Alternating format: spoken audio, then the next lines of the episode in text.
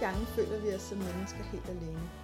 Derfor kan det gøre en verden til forskel at høre, hvordan andre oplever livet. Velkommen til Kære Daisy, en podcast, hvor dine breve vendes med respekt og kærlighed. Livet kan opsummeres i tre ord. Liv, elsk, dø. Her er der plads til alt. Tak fordi du deler, så vi sammen kan blive klogere på livet. Denne episode handler om kærlighed. Om at elske den samme og være i et dedikeret parforhold. Den handler om det svære, det sjove og det udfordrende i at være kærester midt i livet med børn, familie, venner, hverdag og arbejde. Og jeg laver den sammen med min mand, Ingvar, som sidder her sammen med mig. Hej med jer. Og det her er det sidste episode ud af fire særlige, særlige episoder, hvor vi ligesom valgte at uh, tale sammen. Ja, Det har været sjovt. det synes jeg også. Jeg har været glad for at være med. Og tusind tak for alle jeres spørgsmål og responses. Det har vi virkelig værdsat.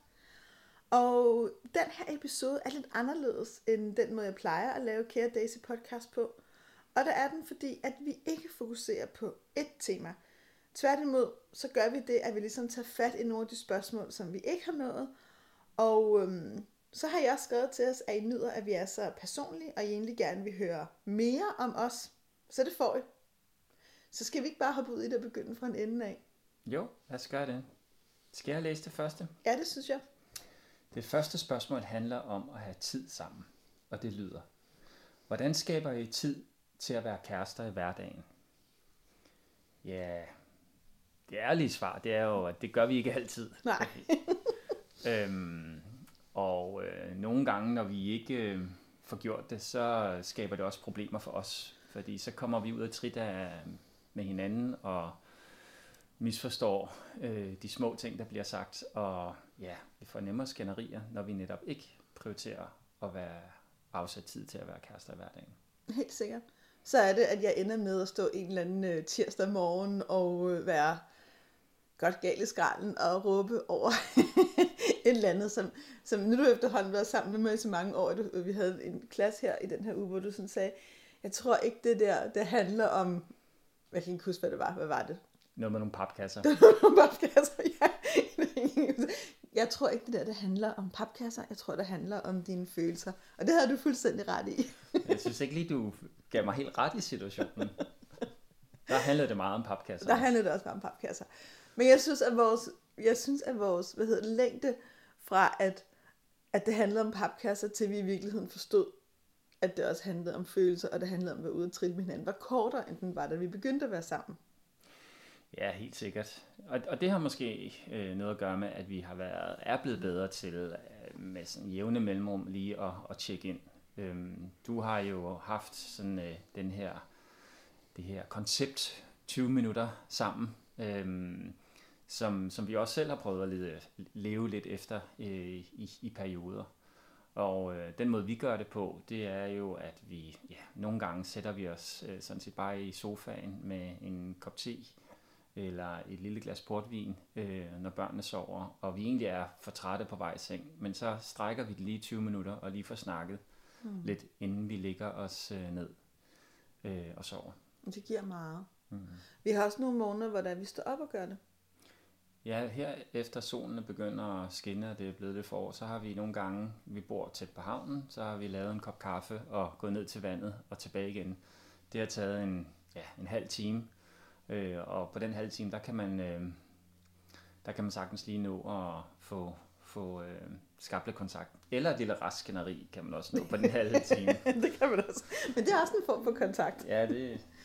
Nå, men jeg ved godt, altså, man kan sige, at nu har vi det jo, det er heller ikke nogen hemmelighed. Vi har det også meget forskelligt med det der med at have et lille raskænderi og lige være uenige. For mig er det, for mig er det mindre forstyrrende, og noget af det, vi har skulle lære gennem tiden, det er i hvert fald, som jeg opfatter dig, er det mere er det nemt mere frustrerende for dig?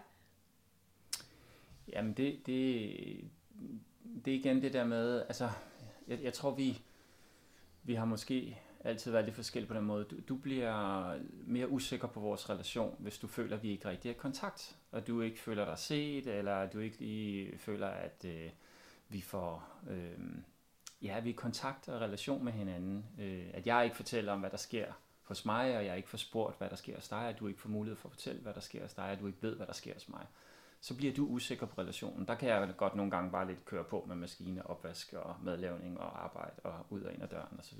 Præcis. Øhm, til gengæld bliver jeg meget usikker på vores relation, når vi har de der lidt raske skænderier. Og så har jeg meget brug for lige at få skære mærke og lige få ryddet op i det, og er vi okay, og er alting okay igen. Mm.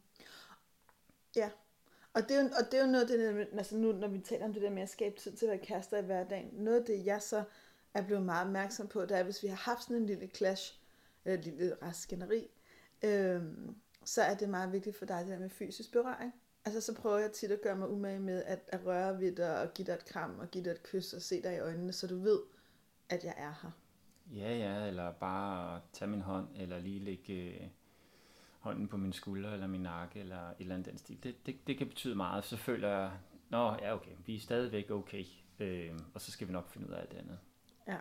Så helt konkret, så noget af det, vi gør for at skabe tid i hverdagen til de der 20 minutter, nogle gange er det at tage de der 20 minutter, eller lidt mere, hvis om morgenen, så han morgendate. Vi havde også dengang, kan jeg huske, at børnene var meget små, og vi ikke kunne gå fra dem. Det er jo ret nyt i vores forhold, at vi ligesom kan gå, og børnene sover videre, eller vi kan gå en, en time, hvor de er hjemme selv.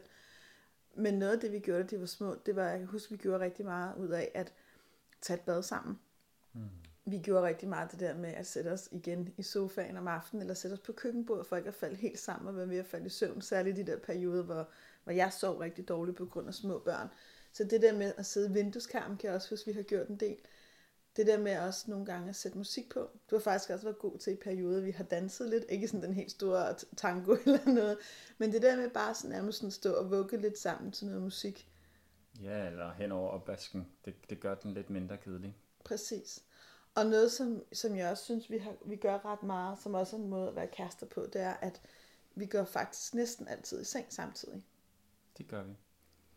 Og jeg har lyst til at tilføje en ting, øh, som jeg synes, øh, du har mindet mig om her på det sidste, det er, der er næsten ikke den ting, man ikke lige kan komme 10 minutter for sent til. Jeg kan godt blive sådan noget meget stramt i betrækket, og nu er der 5 minutter til børnene, de skal gå, og de skal huske at børste tænder og sådan noget. Og der, der har du mindet mig om vigtigheden af nogle gange at vælge lige at komme 5-10 minutter for sent.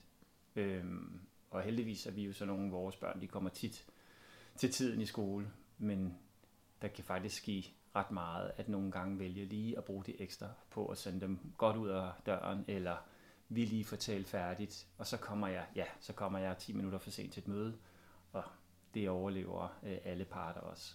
Præcis. Og det, og det fører næsten virkeligheden lidt til det næste spørgsmål, som, som handler om uenighed. Hvordan kommer man videre efter et skænderi eller en irritation på hinanden, er der en, der har spurgt os om.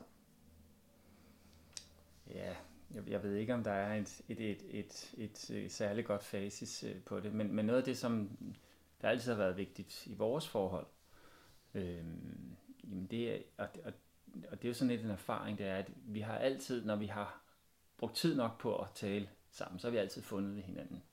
Mm. Nogle gange har det været pissirriterende og har strukket skænderierne lidt ud, og i virkeligheden har vi haft lyst til at få dem til at stoppe men, men jeg synes altid, at erfaring er, at det stopper først, når vi faktisk taler sammen. Ja. Det, det, det er også noget, det jeg faktisk synes virker rigtig, rigtig godt, både for os, og noget det jeg også igen oplever i, i, i mine samtaler igen og igen, det er, at jeg tror meget på det der med, at man er nødt til at fortælle, og vi har altid haft sådan et livsprincip om, at skænderier var aldrig spildte. Altså de kunne være irriterende, de kunne være frustrerende, de kunne være frygtelige, de kunne være alt muligt, men de måtte ikke være ligegyldige. At, at vi skulle bruge dem til at blive klogere på hinanden, eller klogere på situationen, eller klogere på hvad end der var. Og det gør jo også, at vi altid har holdt ret meget fast i, at hvis der var et eller andet, så får vi også kigget hinanden i øjnene, og vi får også talt om det. Og det synes jeg faktisk gør, at i hvert fald kan jeg tale for mig selv, at jeg altid føler mig, at vi kommer på plads, og jeg føler mig altid forbundet med dig igen efter, fordi jeg altid føler, at vi får talt, og du får svaret på mine spørgsmål, eller får vist mig, hvor du er, eller får givet mig plads til at sætte ord på mine følelser. Og det synes jeg gør en kæmpe forskel. Mm. Jeg ved ikke, altså noget af det, som jeg har lært undervejs, og det var virkelig ikke noget, jeg var særlig god til i starten, det var at lytte uden at afbryde, eller gå i forsvar. Og jeg, jeg, jeg nu griner Daisy, øh, jeg er stadigvæk ikke 100% super god til det, men jeg prøver at bare lytte og ikke komme med løsningsforslag, og ikke øh, føle mig ramt og bebrejdet, øh, selvom det er fuldstændig urimeligt, det du siger, øh, så prøver jeg at sådan tænke, at det er, det, det er ikke desto mindre sådan, hun oplever det, det er ikke desto mindre sådan, hun oplever det, og det er vigtigt, hun, jeg skal lytte til, hvad hun siger. Øhm, og, og, og jeg ved ikke, hvor meget det har hjulpet, men det er i hvert fald noget, jeg har øvet mig meget på, fordi vi har begge to et vist temperament, og vi kunne virkelig øh, drive det op i en spids, da vi var yngre. Øhm, fordi vi ikke tog tid til at lytte til hinanden. Ja, så bliver det en kamp. Mm. Altså, og jeg synes, du er på noget meget bedre mig. ja. ja. Nå, men det er jo også mig, jeg tror meget på, noget af det, vi jo også har dyrket meget, også i vores mere sådan intime udvikling, er jo også det der med at holde et rum for hinanden. Ikke? Altså øh, det der med at give plads til, hvad end der er, og forstå, at, at det er jo ikke fordi, vi jo, jeg, jeg er heller ikke altid enig med dig, jeg ved også godt, at nogle ting, jeg siger, eller føler, eller oplever, har du der meget anderledes med, og ser fra en anden vinkel. Men derfor betyder det stadigvæk noget at blive set og anerkendt og hørt. Og så er der jo mange følelser, der falder på plads. Og når man, jeg, jeg tænker tit, at det er ligesom om, når du rører mine følelser, og når du giver mig plads til at have dem, og lader mig mærke dem, og respektere dem, så kan jeg også selv nå derhen, hvor jeg siger, men okay, det er også mig, og jeg ved også godt, at det er noget, jeg arbejder med, og jeg ved godt, det har sine rødder, og jeg ved godt, du ser det på en anden måde, og altså, at, altså give plads til flere perspektiver, for så behøver vi ikke at kæmpe om, hvem der har ret, eller hvad der er rigtigt, så kan vi mere være i det her brede spektrum af alle mulige ting. Jamen, at, at, leve sammen med dig, det er simpelthen at være i sådan en eller anden øh, april måned med forårsstorm, ikke? Så lige pludselig så havler og brager og bæser det fuldstændigt, ikke? Og, og der er bare ikke noget at gøre. Man kan ikke søge ind nogen steder. Der er simpelthen ingen måder at komme i tørvejr. Og så lige pludselig bryder solen frem. Og det er som om, der på en eller anden måde, så skal du, du de der følelser skal igennem dit system. Og, og, og tidligere, der prøvede jeg at stoppe dig, fordi det var stop, ikke? Det, det måtte du ikke. Og, og, og, og det blev bare rigtig, rigtig slemt, når jeg prøvede at gøre det. Og jeg tror, jeg har lært på en eller anden måde, at, at det er noget, der skal igennem. Og jeg synes også, noget af det, du er blevet rigtig, rigtig god til, det er, at når du så kommer igennem dine følelser, kommer du også tilbage. Og jeg synes altid, du har været god til at tage ansvar for dine fejl i det, og rydde op bagefter. Og den erfaring for mig har også gjort, at det er nemmere for mig at være i stormværet, fordi jeg ved, at solen bryder frem igen, og du faktisk er rigtig god til at rydde op efter, efter det stormvær, du nogle gange sætter i gang. Mm. Så man kan sige, hvis man skulle tage det her lidt op på et meta, så vil jeg sige til, til dig, der lytter med, følelser før fix. Ikke? I hvert fald, hvis din... Øh, nu er det ikke så tit, at jeg taler i mand-kvinde, men det gør jeg en lille smule her, for i virkeligheden oplever jeg, at det her det er meget menneskeligt, men jeg oplever, men jeg oplever også lidt nogle kønsforskelle, og så kan vi lade den stå, hvad der har at gøre med køn, og hvad der har at gøre med hver, hver menneske, og det kan være fordelt på forskellige måder. Men jeg oplever i hvert fald rigtig, rigtig mange kvinder, der har det der. Det er okay at gå ind i følelserne, og de har lyst til at gå ind i følelserne, og de har brug for at gå ind i følelserne. Hvorimod jeg oplever flere mænd, der har lidt mere modstand på det, og lidt sværere ved det, og det tror jeg egentlig har mindre at gøre med vores biologiske køn, og mere at gøre med, hvordan man som børn har fået lov til at være i den her verden. Drenge lærer jo tit at tage sig sammen, og pull through, og være stærke, og heroiske, og tabre, og det i sig. Og piger får måske lov til at have et større følelsespektrum, men når man så står som voksne mænd og kvinder, så betyder det bare sindssygt meget for lov at have de følelser, og der nytter det ikke noget at blive mødt af en mur. Så jeg vil sige, det der med, så det der med at give hinanden plads til de følelser, man har, og også forstå som kvinde, at hvis din mand er lidt mere, det kunne huske, det synes jeg i starten, vi var kærester, og nogle gange synes jeg, du var sådan lidt en mur, med et fagbegreb kalder man det stonewalling, så er det, så er det din reaktion. Altså så det der med, så, så hvordan er det egentlig, at vi kommer videre efter en skænderi eller en irritation? Det handler jo meget om at give plads til følelserne, give plads til vores forskellige måder at udtrykke dem på, møde hinanden igen, tale om det. Og så synes jeg også, det er værd at sige, at det synes jeg faktisk noget, det, der, der nogle gange har provokeret mig, at du gør, men som også kan være helt vidunderligt. Og jeg ved godt, at nogle gange får du rigtig meget kredit for dig, nogle gange bliver du virkelig hårdt afvist. Men du har det med nogle gange at kysse mig, og virkelig kysse mig med tungen. Altså sådan virkelig kræve mig, hvor jeg lidt tænker, what? Altså, jeg er pisse irriteret på dig, og så gør du det alligevel, og du holder sådan fast i mig, og du rykker mig helt ind til dig. Men jeg kan også godt mærke, at på en eller anden måde er der også noget enormt smukt i det. Altså, det er jo også, det er jo fordi, jeg kender dig, og du er min mand, og vi kender hinanden så godt, og jeg ved, du gør det med kærlighed. Men det der med, så når jeg overgiver mig til det, så kan jeg også mærke, at der sker noget i min krop, og min krop nogle gange forsoner sig med dig og giver slip, før jeg, før jeg måske selv gør, eller før mit ego gør. Og det er jo også en fantastisk måde nu, for mig nogle gange også at slutte de her skænderier, og så kan jeg mærke, der er du, og der er vi, og der er kærligheden, og der er, der er foråret og solen, og alle de ting, du siger. Og så er vi videre. Altså, og det synes jeg er særligt de senere år i vores ægteskab, at vi blev meget bedre til også nogle gange bare at slippe det, og komme tæt på hinanden igen, og nogle gange også at kunne grine af tingene. Det er jo måske også noget af det, der bare kommer med, med alderen, uden at vi nødvendigvis er synderligt gamle, synes jeg, men måske har vi fået begge to evnen til at tage vores eget ego og sætte en lille smule til side i de der situationer. Det har nok hjulpet lidt. ja, det tror jeg også. nu øh, kan jeg læse det næste spørgsmål, og det handler om, øh, hvem der gør hvad. Øhm, og spørgsmålet lyder, hvordan fjerner man fokus fra regnskabet om, hvem der gør mest? Mm, ja, altså, jeg kan huske, at vi mødte hinanden, der, der, der, der kaldte du, hvad var det, du kaldte mig? Du kaldte mig øh, fællesskabsingver, eller F-ingver, fordi det var sådan noget fællesskab og fodbold og forening og, forening og sådan noget der. Øhm, og jeg havde, jeg, hver gang at vi skulle i landet, så var det altid vi, og vi er jo enige om, og sådan noget, ikke? Og, og du var, ja, dit, jeg havde meget udgangspunkt i, øhm, i lighed, og det fælles, og vi, og jeg vil meget gerne have, at vi mente det samme, og vi synes det samme, og vi skulle gøre det samme. Mm. Og, og, og det førte til nogle ret øh, episke skænderier, øh, men også en, en, en ret øh, vild læringsproces, fordi det er ikke dit udgangspunkt. Nej. Så, øh, jeg, altså, jeg, jeg får det sådan, når du siger, at vi har det sådan, så får jeg virkelig lyst til at bare understrege.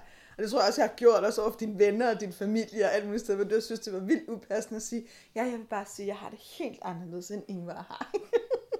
Men det er fordi, for mig er der nogle meget, meget dybe værdier om autonomi og frihed, og jeg, og jeg bryder mig simpelthen ikke om, at nogen udtaler sig om, hvordan jeg har det. På den måde har jeg jo også en meget god nej-siger inden i mig, som, som bare får lyst til at sige nej, fordi du siger, vi har jo mm. sådan, eller vi oplever. Jeg får sådan, nej, det kan jeg godt selv formulere. Og det førte, det førte i hvert fald til sådan en, en, en, en ret sådan grundlæggende snakke mellem os om en, om en ulighed imellem os. At vi er ikke lige. Og vi er ikke ens. Og vi er ikke ens. Og vi gør ikke det samme, og vi kan ikke det samme. Og, og, og det fører til, at vi har faktisk formået aldrig nogensinde at fordele arbejdsopgaverne lige. Men til gengæld har vi altid lovet hinanden, at vi begge to gør alt, hvad vi kan. Vi gør ja. vores bedste. Og det vil sige, og det lever vi jo efter den dag, og vi faktisk, faktisk formået stort set at undgå at diskutere regnskab og mållinje og opgavelister. Vi har ikke nogen aftaler om, hvem der gør hvad hos os. Nej. Vi gør bare det, vi hver især er gode til. Men så synes jeg også, det er også noget, du har lært, og jeg synes, det er super klogt. Altså, det er, at du sagde, men, men det man til gengæld godt må, det er, at man må gerne gå og sige hen til den anden og sige, jeg kan mærke, jeg gider ikke at stå og tage opvasken alene lige nu. Gider du ikke komme og hjælpe mig? Eller også sige, øh, jeg, jeg overgår ikke at tage opvasken lige nu, så nu lader jeg den stå, at det er okay med dig. Mm. Eller sige, jeg overgår ikke at tage opvasken, så nu går jeg i seng. Ja. Yeah. Uden at spørge, om det er okay. Ja. Yeah. Altså, for, altså, jeg har altid tænkt på det meget som en, en styrkebaseret tilgang, og det er selvfølgelig dels noget med, at jeg har interesseret mig i rigtig mange år for hele den positive psykologis forskning og arbejde med styrkerne, men også at vi to har forskellige styrker. Der er ting, som kan være super lette for mig. Det er let for mig at invitere mennesker, det er let for mig at bakse et eller andet sammen. Altså jeg har jo meget det der med, kom bare forbi, at vi laver noget mad, og det skal nok gå, og det hele er, ikke? Og så er det ting, hvor jeg kan nærmest bare have lyst til at opgive ved tanken om at skulle gå i netto en lørdag aften, fordi der ikke er mere papir, eller så lidt papir, hvor du er meget sådan, du er super effektiv, og du gør rigtig mange ting rigtig hurtigt, og du har nemt ved at komme ind og ud af døren, og altså, hvor jeg kan have det sådan lidt, okay, du kan komme med en eller anden krise til mig, men du kan ikke bede mig om at gå i netto øh, klokken, klokken 8 om morgenen af rigtig mange årsager. Ikke? Altså, øhm, så, så jeg synes det der med, at vi har været gode til at sætte hinanden fri, og jeg tror noget af det, der ligger også i det, du siger, som er værd at tilføje, Ingvar, det er, at vi har en respekt for, at vi gør vores bedste. Jeg har faktisk en meget, meget stor respekt for dig, og jeg synes, du altid går den ekstra mil for mig og for familien og for at passe på os. Og jeg håber, du føler, at jeg gør det samme. Ja, og det er jo også en af grunden til, at vi valgte hinanden. Vi har nogle, nogle, nogle grundlæggende værdier øh, og etiske perspektiver. Et af dem, det er jo, at vi begge to jo har sådan en relativt stor sådan noget arbejdsetik og pligt. Så der er jo ikke nogen af os, der, der, der kaster os ned på sofaen, før vi, vi, vi, vi har gjort, hvad vi kunne.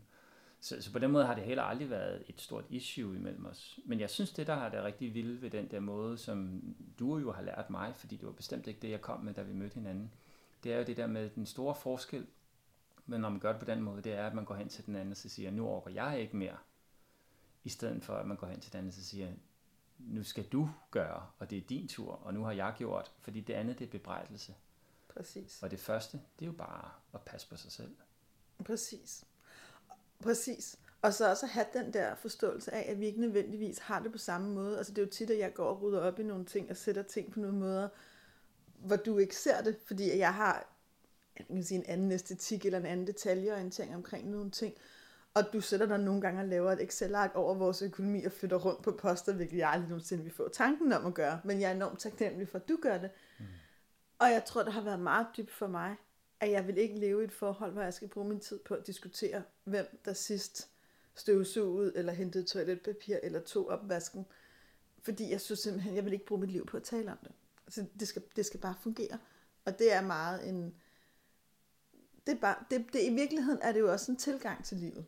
Ja, så ja, og det har vi jo levet efter. Vi, vi har ikke nogen aftale om, hvem der gør hvad. Vi, vi, er, vi er enige om, at vi er forskellige og gør noget forskelligt, men at vi begge to gør vores bedste hver dag. Ja. Og det fører så på ingen måde til, men, øh, men, men, men et andet spørgsmål, der kom ind, handler så om, om utroskab, hvor der er en, der har skrevet til os, har I oplevet det, og hvis ja, hvordan kom I så videre? Mm, og det har vi ikke, vel? jeg har ikke været sammen med andre end dig, mens nej, vi har været kærester. jeg har heller ikke været sammen med andre end dig. Så, så nej, det har vi ikke oplevet. Men altså, du, du har jo en del erfaring for dit arbejde omkring det emne. Ja, Ingvar, så vil jeg også sige, når nu vi er en lille smule ærlige, så har vi jo også erfaring med det begge to. Altså fra tidligere. Okay. Mm? Yes. Altså, du har jo oplevet en kæreste, der var dig utro. Ja, ja, og oplevede det en form for svigt, hvilket jo gjorde noget rigtig fundamentalt øh, skadeligt for mig. Og det forhold gik jo også i stykker på grund af det. Mm. Og, jeg, og jeg tror, at og jeg har også selv oplevet utro. Jeg har været på, jeg har været på begge sider af ligningen øh, tidligere i mit liv. Øhm, og det er ikke noget, jeg er særlig stolt af. Men ja, men noget af det, jeg... Så man kan sige, nej, vi har ikke, vi har ikke oplevet det med hinanden, men, men vi har jo oplevet det. Og et eller andet sted, så tænker jeg nogle gange, altså noget af det, vi har jo talt enormt meget om utroskab. Særligt da det var, at vi lærte hinanden at kende. Og det tror jeg dels havde noget at gøre med, at det fyldte rigtig meget for dig fordi du kom fra et forhold, hvor du havde været udsat for det. Så jeg har altid været ekstremt bevidst om, at det var en meget hård grænse for dig, og det var noget, der var meget smerte på. Og, og noget af det, når jeg tænker tilbage, da jeg mødte dig, jeg har jo levet et, jeg ved ikke, hvad man skal kalde det. Altså, jeg har oplevet lidt, kan man sige det sådan. jeg har oplevet lidt i mit liv, før jeg mødte dig, og det har jeg også med dig. Men jeg tror, at noget af det, der hvor jeg var, da det var, jeg, jeg mødte dig, det var, at jeg havde nok i virkeligheden rimelig hvide grænser. Altså forstået på den måde. Jeg har også været, jeg har haft sex med gode venner, og jeg har haft sex med flere, og altså du ved, ikke? Så jeg har været sådan rimelig åben, og noget af det, jeg tænkte meget på, da det var, jeg mødte dig, det var, at jeg var nødt til at være meget opmærksom på min egen adfærd, fordi du havde noget sorg og noget smerte omkring det. Så det der med, at jeg lige gik ud med to veninder og drak en flaske champagne, og så tungekyssede vi lidt, og nå, det er der jo ikke noget i. Det, kunne, det vidste jeg bare, det kommer ikke til at gå med dig, for det kommer til at såre dig. Så hvor jeg ligesom havde haft nogle år, jeg var, jeg var single en del år, hvor jeg var i slutningen af 20'erne, og havde gode forudsætninger for at eksperimentere, der vidste jeg meget tydeligt, at for dig var der nogle ting, som kunne opfattes som utroskab, og som ville være meget smertelige. Så jeg tog sådan en meget dyb beslutning om, at da jeg valgte, at jeg gerne ville gå ind i et seriøst forhold med dig, jeg gerne ville være kæreste med dig, og så være enormt opmærksom på at passe på dig, og ikke komme til at gøre noget, der kunne sætte gang i den smerte, du havde, fordi jeg vidste, at det ville være der, hvor du kunne lukke fuldstændigt ned for mig. Mm. Det, det er rigtigt. Jeg vidste ikke, du var så reflekteret omkring det, men uh, det er jo interessant at finde ud af.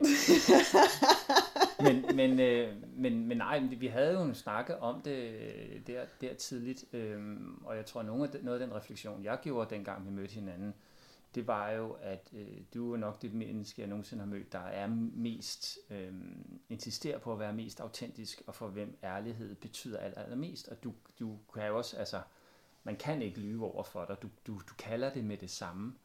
Øhm, så noget af det, jeg kan huske, vi snakkede om der tidligt, det var, at, at, at det var jo, du sagde, jamen for dig er utroskaben jo ikke nødvendigvis det mest alvorlige, der kunne ske i vores forhold, men det vil være løgnen og svin mm. og, og, uærligheden.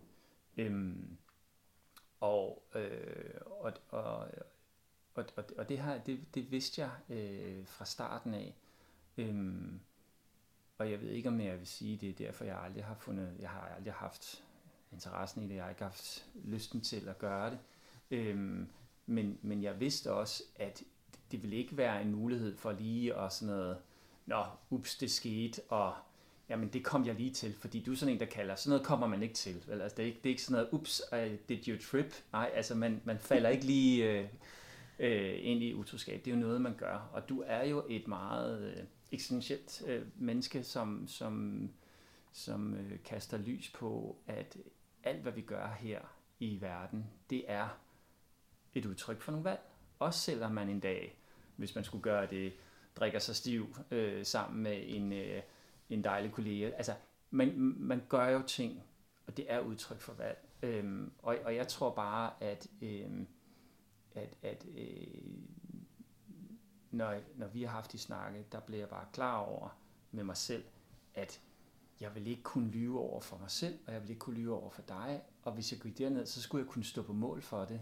Altså, og det havde jeg bare ikke, det havde jeg hverken interesse i, eller lyst til, eller det var ikke det valg, jeg ville, ville træffe. Så jeg tror, at nogle af de snakke for mig, gjorde jo bare, at jeg blev meget opmærksom på, at, at, øh, at leve i et ægteskab og et forhold, det er jo også at vælge hinanden, og også blive ved med det, og dermed også vælge ikke at lave dumme ting ved siden af. Præcis.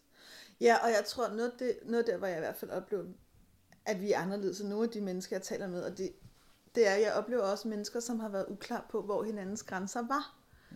Altså for eksempel, jeg har lige haft en session med en klient, som snakkede meget om, at hun har fundet øh, nøgenbilleder på hendes mands telefon af en, han har gået i gymnasiet med. Og han føler ikke, det er utroskab. Altså han føler, de billeder, der er udvekslet, er på grænsen, men han føler ikke, at han har været hende utro, og hun føler, at han har været hende utro. Og det bruger de så en del sessioner på her for tiden. Og alt det, det sætter i gang. Men jeg tror, at noget af det, jeg, jeg tænker, når jeg sidder som professionel der, i det er, at jeg tænker, jeg tænker, ej, hvor er det synd for dem, de ikke har haft talt om de her ting, at de ikke har fået etableret mere klare grænser, og de ikke har haft talt sådan nogle ting igennem. Og det er ikke fordi, man skal forestille sig enhver ting at lave en klar du ved, øh, handleplan for det. Men jeg har altid vidst, hvor dine grænser var, og du har altid vidst, hvor mine grænser var. Så det vil sige, at vi har også altid, du, du og jeg ved, hvad utroskab vi være i vores forhold. Ja, ja, og, og vi, vi havde jo nogle meget eksplicite samtaler om det helt der i starten. Øhm, og det var jo med til at, at lægge noget af fundamentet for de løfter, vi jo har til hinanden. Præcis. Og så synes jeg også, det er værd at tilføje i ærlighedens navn, at vi jo også nogle gange har talt om, at det ikke, det ikke vi vil ikke gå fra hinanden den dag en af os kom og sagde, jeg har lyst til at være sammen med en anden. Det, det vil være en samtale, og det vil være noget, vi vil udforske sammen. Det vil ikke, altså det, det er ikke en, hvad kan man sige, det er ikke der endlosung. Altså det er ikke sådan, og så er alt gone. Og jeg tror i hvert fald for mit eget vedkommende, det at vi har formuleret det over for hinanden, at der er, der er andre døre. Vi er vi har været sammen i mange år. Vi er kun i starten af 40'erne. Livet er forhåbentlig langt og fyldt med gode oplevelser. Gør jo også, at vi har hinanden med. Og vi har en refleksion, og det tror jeg faktisk betyder enormt meget. Den der ydmyghed overfor, at vi kan ikke 100% vide, hvad der sker i livet. Men vi kan vide, og vi kan love hinanden, at vi tager hinanden med på den rejse. Fordi hvis der er noget, jeg tit tænker på, også i mit, også i mit arbejde, så er det, at du kan jo ikke love mig, at du ikke bliver snart hamrende forelsket i en eller anden, en eller anden gang. Du kan ikke love mig, at du ikke møder en kvinde og bliver vildt tiltrukket af vedkommende så meget, at du tænker, at den her oplevelse er nødt til at have, for jeg kan ikke gå i graven uden. Men du kan love mig, at du fortæller mig sandheden, og vi kan love hinanden, at vi så giver hinanden plads til roligt og stille og roligt at udforske, hvad det betyder, og ikke bare pakker kufferten og ud af døren dagen efter. Og det tror jeg også meget afdramatiserer utroskab i vores forhold. Hmm. Ja, det tror jeg bestemt også. Nå, næste spørgsmål handler om sexfantasier. Hvordan rummer man hinandens forskellige fantasier? Giver plads til både sig selv og den anden. Øhm, jamen altså, i vores forhold, der synes jeg, det har været relativt lige til. Øh, fordi jeg synes, dine fantasier har været ret spændende. og jeg øh, fornemmer også, at du har synes noget af det, jeg har forestillet mig, har været spændende. Og jeg fornemmer ikke, jeg ved det selvfølgelig ikke, men jeg fornemmer ikke, at du går øh, og gemmer på en eller anden fantasi, du ikke fortæller mig om. Øhm, øhm, og, og det gør jeg heller ikke. Så, så jeg tror, at, at noget af det, der har været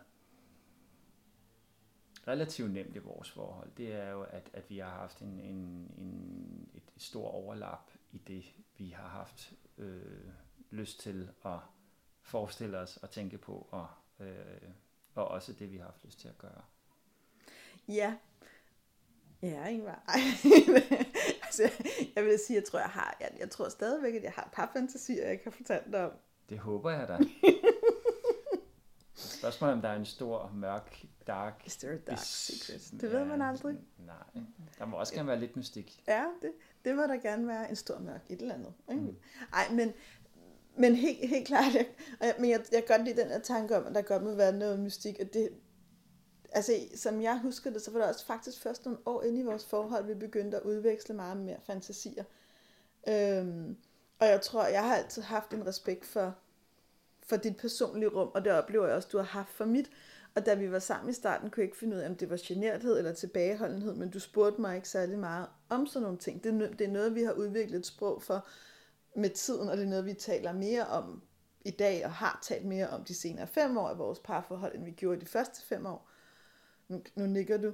Mm. Og jeg, men jeg tror, noget af det, der fungerer godt for os, det er, at vi ikke at vi ikke har en følelse af, at vi skal eje hinanden, og vi skal vide alt om hinanden. At vi i virkeligheden også har en respekt for, at fantasier fantasier, og noget kan være privat, og også en forståelse af, at en fantasi ikke nødvendigvis er virkelighed.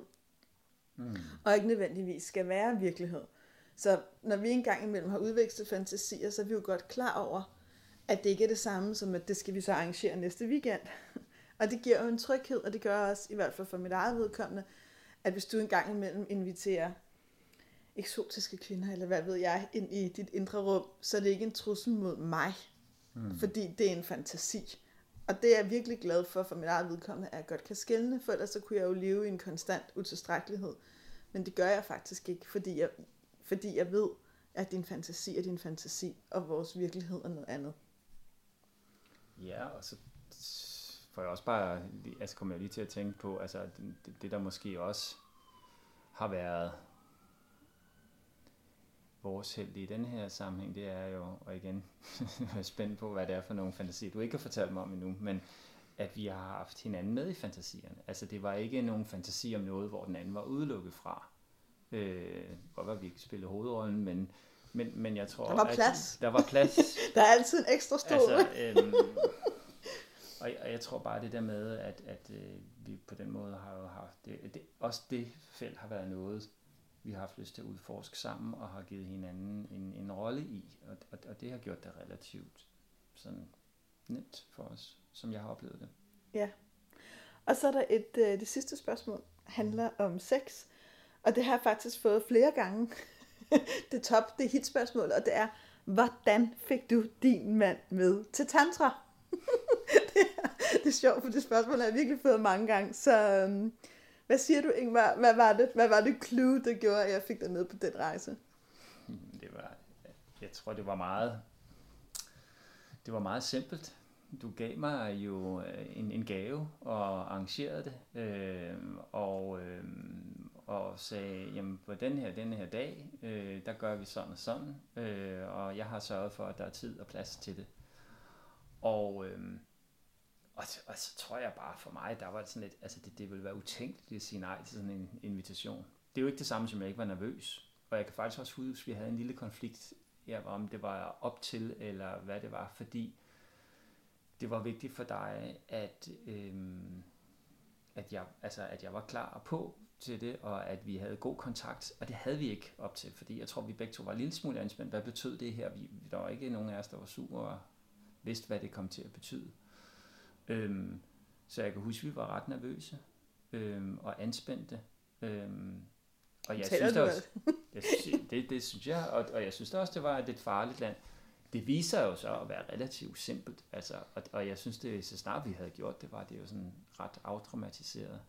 Så handlede det jo i virkeligheden bare om at tale om og, og lære lidt om noget, vi i virkeligheden i forvejen synes var spændende. Øhm, så jeg tror mest det var det, frygten for det ukendte, der gjorde mig urolig, og sådan noget gjorde det svært mellem os. Så snart vi var i gang, så var vi jo, så var det jo ikke svært at, at tage en time til. Nej, Nej, og, vi har, og så har vi jo så ligesom fortsat og fortsat og fortsat på den her rejse, og er stadig i gang, kan man vel godt sige. Jo, jo, jeg føler ikke, vi har lært en brygdel endnu. Nej, præcis. Og nu gjorde det det, du sagde, hvordan vi havde det, og det er meget sjovt, fordi, at, på den her samtale, fordi jeg var ikke, eller sådan husker jeg det i hvert fald, eller ofte det ikke selv, at jeg var anspændt. Jeg tror, at den følelse, jeg meget sad med, var, at jeg, jeg har ikke svært ved at tage styring i mit liv. Jeg har ikke svært ved at tage styring i mange dimensioner af mit liv. Men her havde jeg en sårbarhed. Altså, det, jeg var enormt bange for, at du ville få en dårlig oplevelse, fordi jeg følte mig, jeg følte mig også ansvarlig for din oplevelse. Jeg følte mig ansvarlig både for min egen, men også for din oplevelse, og jeg ville bare så enormt gerne have, at det lykkedes. Og det var enormt provokerende for mig, at du, som jeg føler, du nogle gange gør, og det er noget af det, vi har haft nogle konflikter også om i andre sammenhæng, det er, at du nogle gange trækker dig lidt, hvor jeg i virkeligheden hellere vil have, at du bare satte en masse ord på din anspændthed, dine følelser og dine forventninger. Der bliver du lidt tavs, og så føler jeg, at jeg står der og banker på en dør og prøver at få dig til at fortælle, hvad der sker. Og så siger du sådan et eller andet i vi-form, jamen vi er måske lidt anspændte. Nej, jeg er ikke anspændt, men fortæl mig for helvede, hvad der er inde i dig. Men jeg kan huske, at jeg prøvede at tænke, nu holder, lad du ham bare være, som han er, som han har det. Og så trækker du vejret og håber på, at det går. Så det er jo... der ja, er mange lag i det. Ja, øhm, det, det er der bestemt. Øhm, og det var så sådan meget lige op til, men, men jeg tænker også, eller kommer i tanke om, at vi jo altid har haft det her løfte til hinanden om at prøve at sige ja til hinanden. Ikke? Mm. Øhm, at, øh, at, at ikke starte med at sige øh, nej, eller jamen kan det, eller hvor, hvorfor de det, eller, eller men starte med at sige ja, det, det, det lyder spændende. Hvorfor vil du gerne det, eller hvad kunne der være det, eller om jeg tænker, eller et eller andet. Men prøv at simpelthen starte sætningerne med et ja. Og det er jo ikke altid nemt, hvis man er en smule usikker, men det har vi jo øvet os på. Ikke blot i forhold til det med tantra, men også i forhold til vores dialog helt generelt. Præcis. Og så vil jeg sige til dig, der sidder derude, og jeg ved, der er en del af jer, der sidder derude, for jeg har som sagt, det her det er hit spørgsmål, jeg har fået mest. Som du sagde, Ingvar, jeg gav dig det som en gave, og det var, jeg, jeg vil være ærlig at indrømme, jeg tror, jeg i en periode havde sådan en drøm om, at du ville gøre et eller andet. Altså, mm. Og vi havde, og det var også en periode, hvor vi talte meget om vores seksualitet og udvikling, og jeg kunne mærke, at jeg havde sådan en, jamen jeg kaldte nogle gange lidt en prinsessedrøm, at du kom og var sådan, jeg har arrangeret, jeg synes vi skal, og altså nu gør vi, og var ham der, der ligesom ledte an. Og jeg kan enormt godt lide, når du leder an, og du ved, at det også er en del af min seksualitet, at jeg kan lide at blive ført. Men du gjorde det bare ikke der, eller på den måde, jeg ønskede det. Og så på et tidspunkt, så tænkte jeg, nu nytter det ikke noget mere. Nu må jeg gå ind i sådan en anden energi, sådan mere dronninge-energi, eller sådan mere, og ligesom tage modet til mig. Så, der, så der var noget indre arbejde for mig i at være den, der ligesom gjorde det, arrangerede det, betalte det, fikset det, fik børnene sendt ned til mormor og morfar en weekend, og så sagde, nu gør vi det.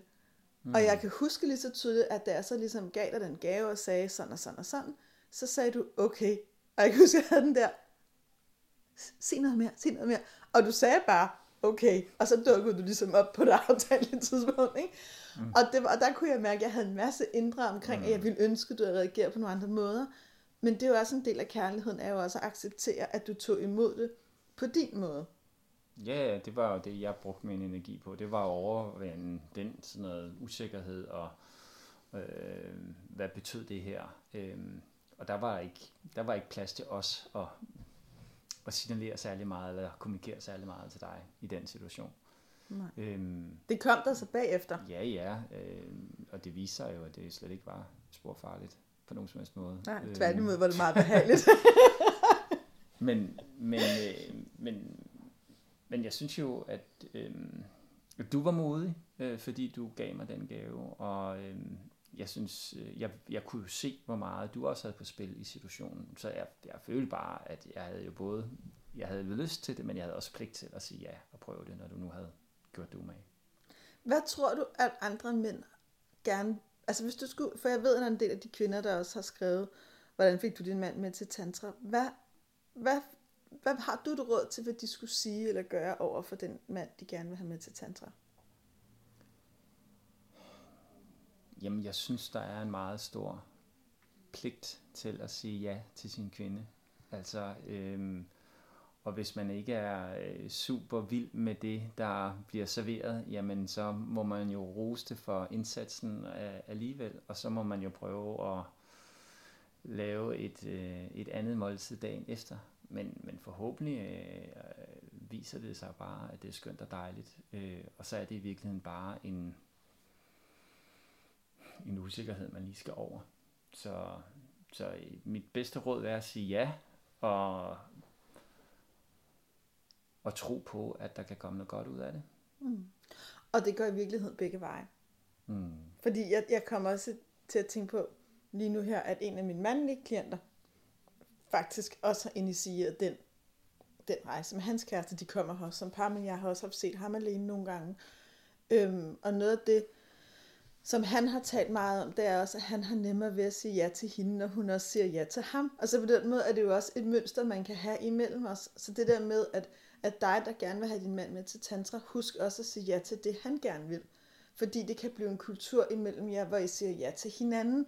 Og jeg synes, der er mange par, det er faktisk noget, der jeg nogle gange skriver i mine mm. noter, det er, at det her er et par, der har en ja-kultur, vi siger ja til hinanden, eller er det et par, der har en nej-kultur, hvor begge parter bare per definition siger nej til alt, eller er det sådan et, jeg kalder det et måske-par i mine sådan hemmelige noter, som hele tiden er så vaklende og usikre og ingen får rigtig meldt på banen.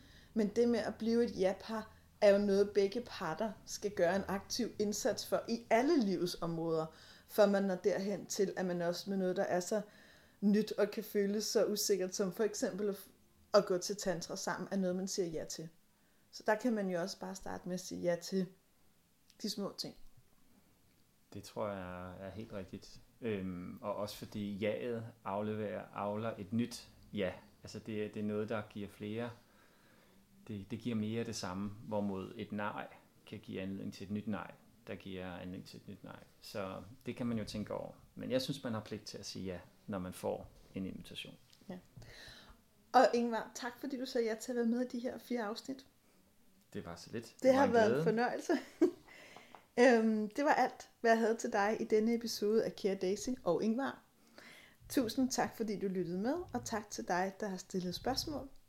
Det er kærligt at dele, og jeg håber, at denne episode af Kære Daisy har givet dig en tanke eller en idé, du kan bruge i din hverdag. Du har kun et liv, ældste. Og husk, jeg er tilbage igen om 14 dage. Helt selv, måske med en gæst. Så skriv til mig om alt, hvad du synes, at det, vi skal tale om. Du lyttede til Kære Daisy, en podcast, der vender nogle af livets dilemmaer og får dig til at føle dig mindre alene. Vil du have mere inspiration og flere perspektiver på kærligheden og det moderne liv, så følg Daisy på Insta eller skriv dig op til hendes nyhedsbrev via daisyløvendal.dk. Kære Daisy vender tilbage med en ny episode cirka hver 14. dag, og du kan finde dem på iTunes, Soundcloud og på daisyløvendal.dk. Og husk, hvis du kunne lide, hvad du hørte, så send det endelig videre og giv os en masse stjerner og en god anmeldelse.